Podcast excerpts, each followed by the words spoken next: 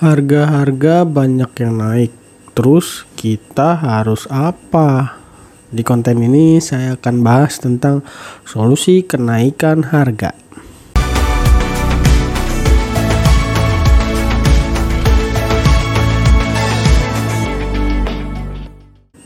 Halo, Haryo di sini ketemu lagi sama saya seperti biasa.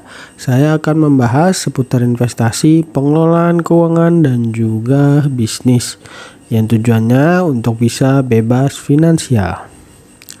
Kali ini saya akan bahas tentang solusi kenaikan harga.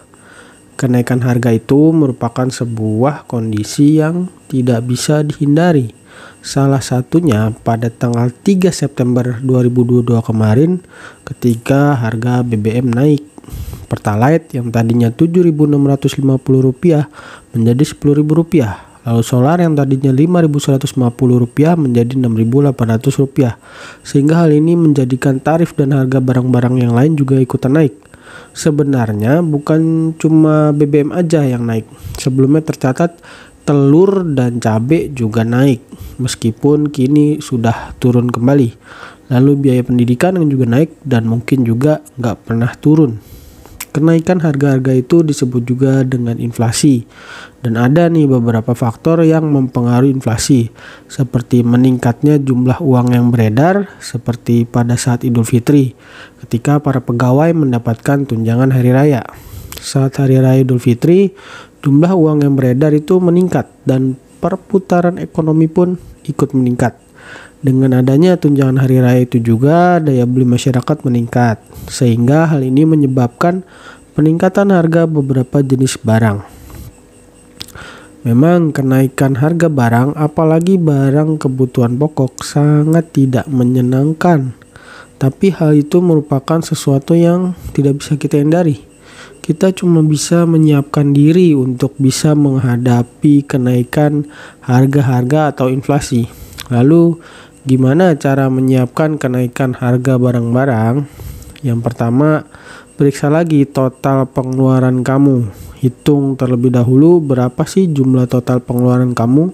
Itulah kenapa dalam pengelolaan keuangan sangat penting untuk mencatat semua pemasukan dan pengeluaran sehingga kamu tuh tahu mana pengeluaran yang memang penting dan mana pengeluaran yang sifatnya kurang penting. Setelah itu kamu bisa buat tuh skala prioritasnya.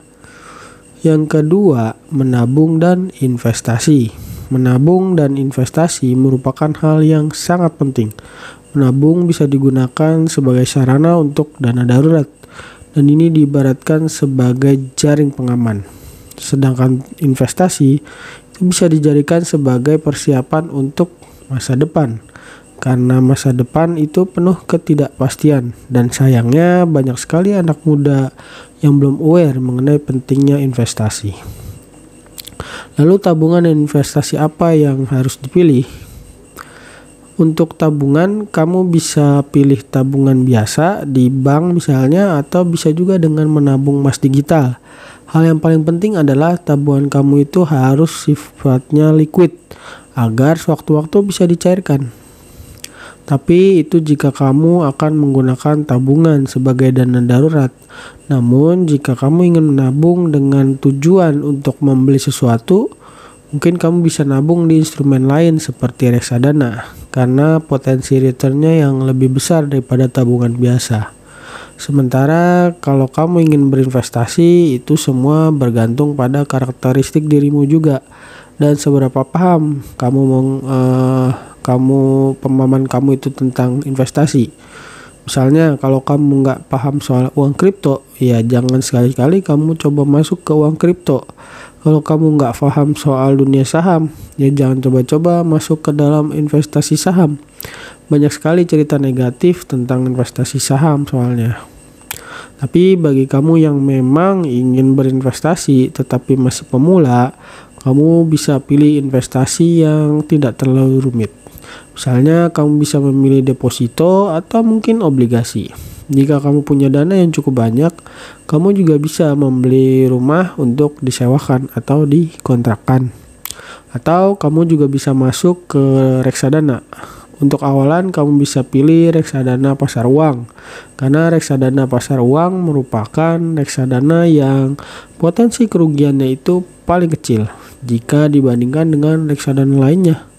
Selain itu dengan memilih reksadana sama aja kamu tuh punya asisten investasi karena dana kamu akan dikelola oleh manajer investasi yang pastinya punya pengetahuan dan pengalaman khusus dalam investasi. Lalu yang ketiga, kamu bisa mencari tambahan pemasukan. Ini merupakan hal yang harus dilakukan, apalagi kalau kenaikan harga-harga nggak disertai dengan kenaikan penghasilan kamu saat ini. Maka langkah yang bisa kamu lakukan adalah dengan mencari tambahan penghasilan. Dan di era sekarang ini untuk mencari penghasilan eh, penghasilan tambahan itu nggak sesulit di masa lalu. Sekarang ini peluang untuk mendapatkan penghasilan tambahan itu sangat berlimpah. Tinggal kitanya aja bisa meningkatkan skill atau enggak. Lalu cari deh calon-calon pekerjaan yang memang cocok buat kamu. Kamu bisa jualan foto, bisa jualan desain, bikin website, uh, buat desain, jual buku dan sebagainya Kenaikan harga itu memang hal yang tidak menyenangkan, tapi itu merupakan kenyataan hidup yang harus kita semua hadapi. Hal terbaik yang bisa kita lakukan adalah dengan menyiapkan diri kita, dan saya juga telah menjelaskan hal yang bisa kamu lakukan. Uh, dan sebagai persiapan untuk menghadapi kenaikan harga atau inflasi. Oke, sampai di sini pembahasan tentang solusi kenaikan harga. Sampai jumpa di konten berikutnya. Dah.